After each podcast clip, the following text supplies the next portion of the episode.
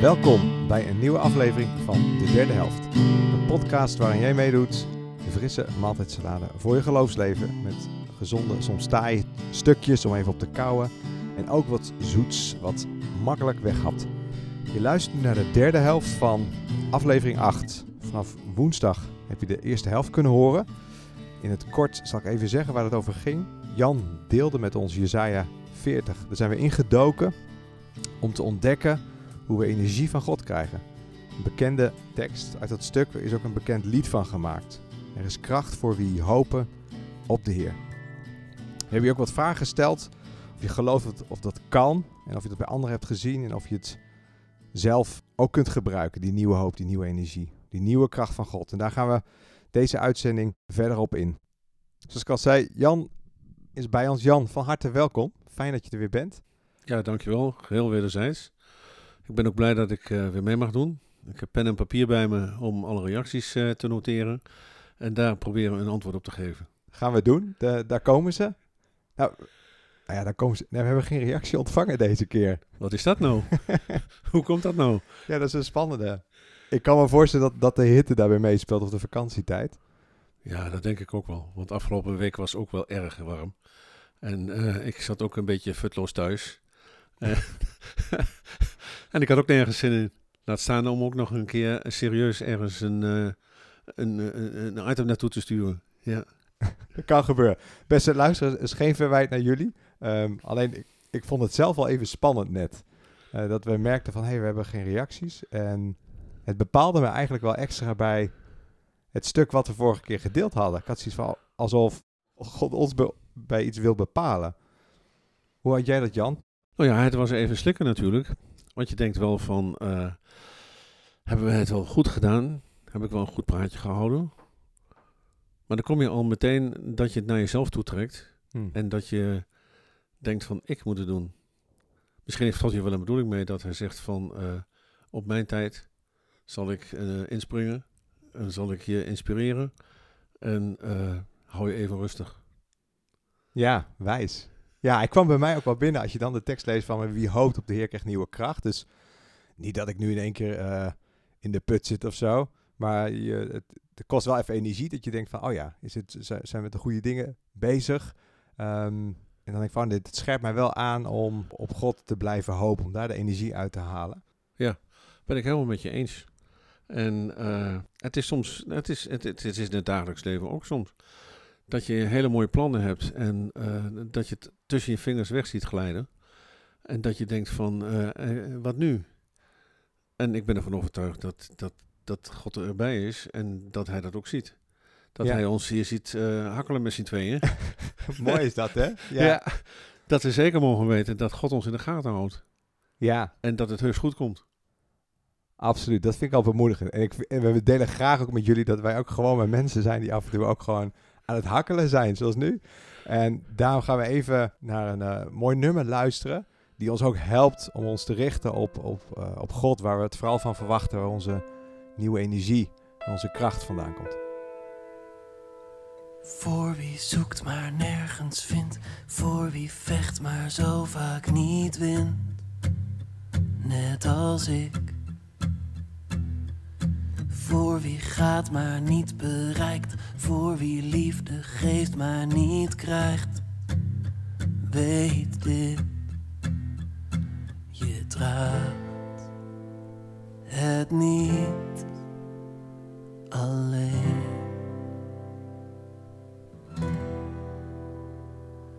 Voor wie gokt en steeds verliest, wie probeert maar vaak verkeerd kiest net als ik. Voor wie lacht maar niet geniet, voor wie wel gelooft maar niet ziet. Weet dit, je draagt het niet alleen, alleen.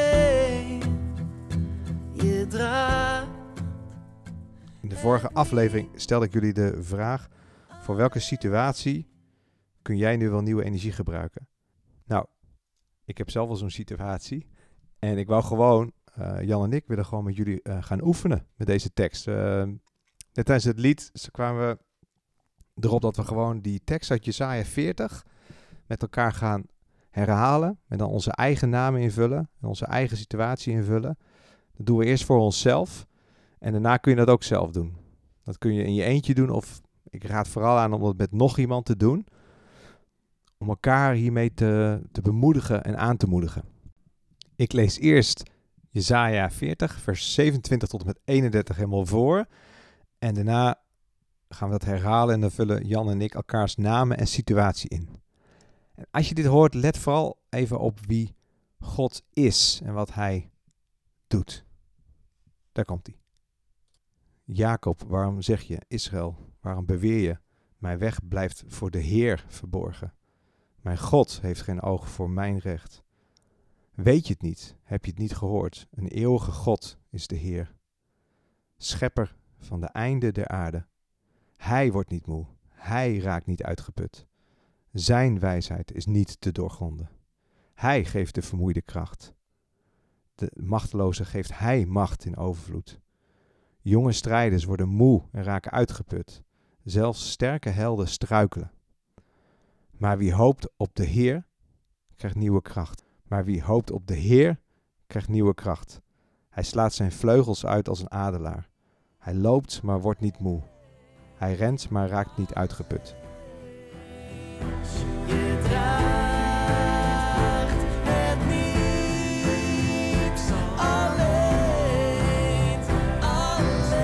De oefening. Ik spreek de tekst over mezelf uit en ik laat Jan deze tekst over mij uitspreken. En zo hopen we elkaar te bemoedigen. En ik wil je ook aanraden om dit eh, thuis te doen met iemand of desnoods gewoon eh, zelf. Sander, waarom zeg je Sander? Waarom beweer je? Mijn situatie blijft voor de Heer verborgen. Mijn God heeft geen oog voor mijn doen en laten voor, voor deze podcast. Maar Sander, weet je het dan niet? Heb je het niet gehoord? Een eeuwige God is de Heer, schepper van de einden der aarde. God die wordt niet moe. God raakt niet uitgeput. Zijn wijsheid is niet te doorgronden. God geeft de vermoeide kracht. De machteloze geeft hij macht in overvloed. Jonge strijders worden moe en raken uitgeput. Zelfs sterke helden struikelen. Maar wie op de, hoopt op de Heer, krijgt nieuwe kracht. God slaat zijn vleugels uit als of een adelaar. Hij loopt, maar wordt niet moe. Hij rent, maar raakt niet uitgeput.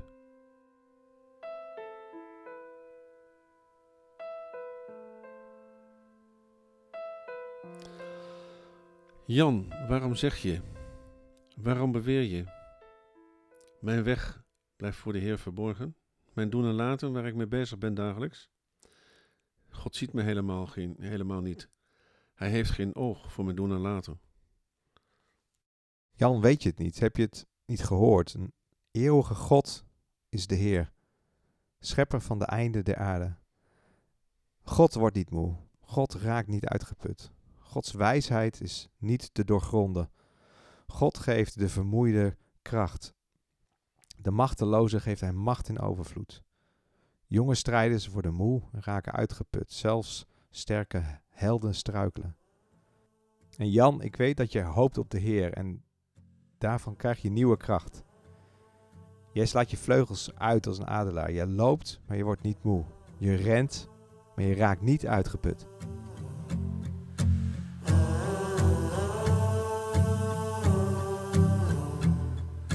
Zelfs als de hemel als je geloof bezwijkt, als je me niet begrijpt, ik zal er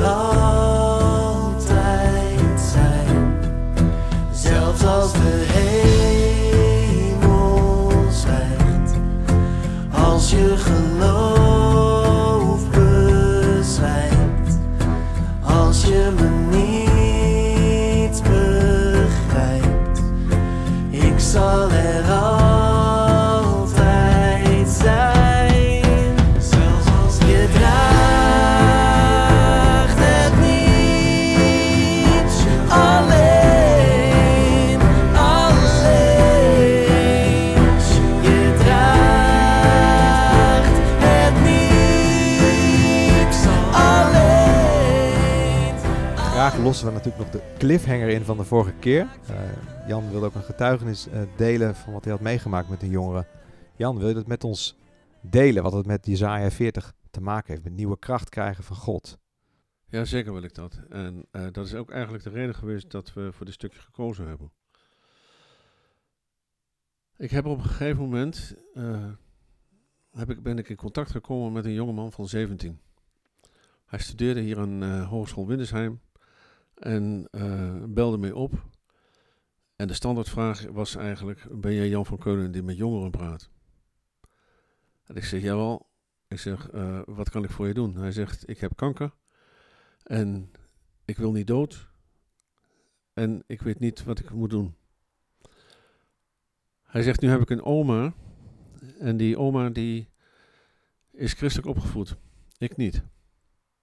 Mijn ouders die hebben nooit wat aan het geloof gedaan en hebben mij ook geen christelijke opvoeding gegeven. Hm. Maar ik zie aan mijn oma dat ze heel veel kracht put uit het geloof. En elke dag zit ze in haar Bijbel te lezen en probeert ze mij daarover te vertellen. Zou jij mij iets meer kunnen vertellen over het geloof? Wow. Dus, ja, dus ja, natuurlijk wil ik dat doen.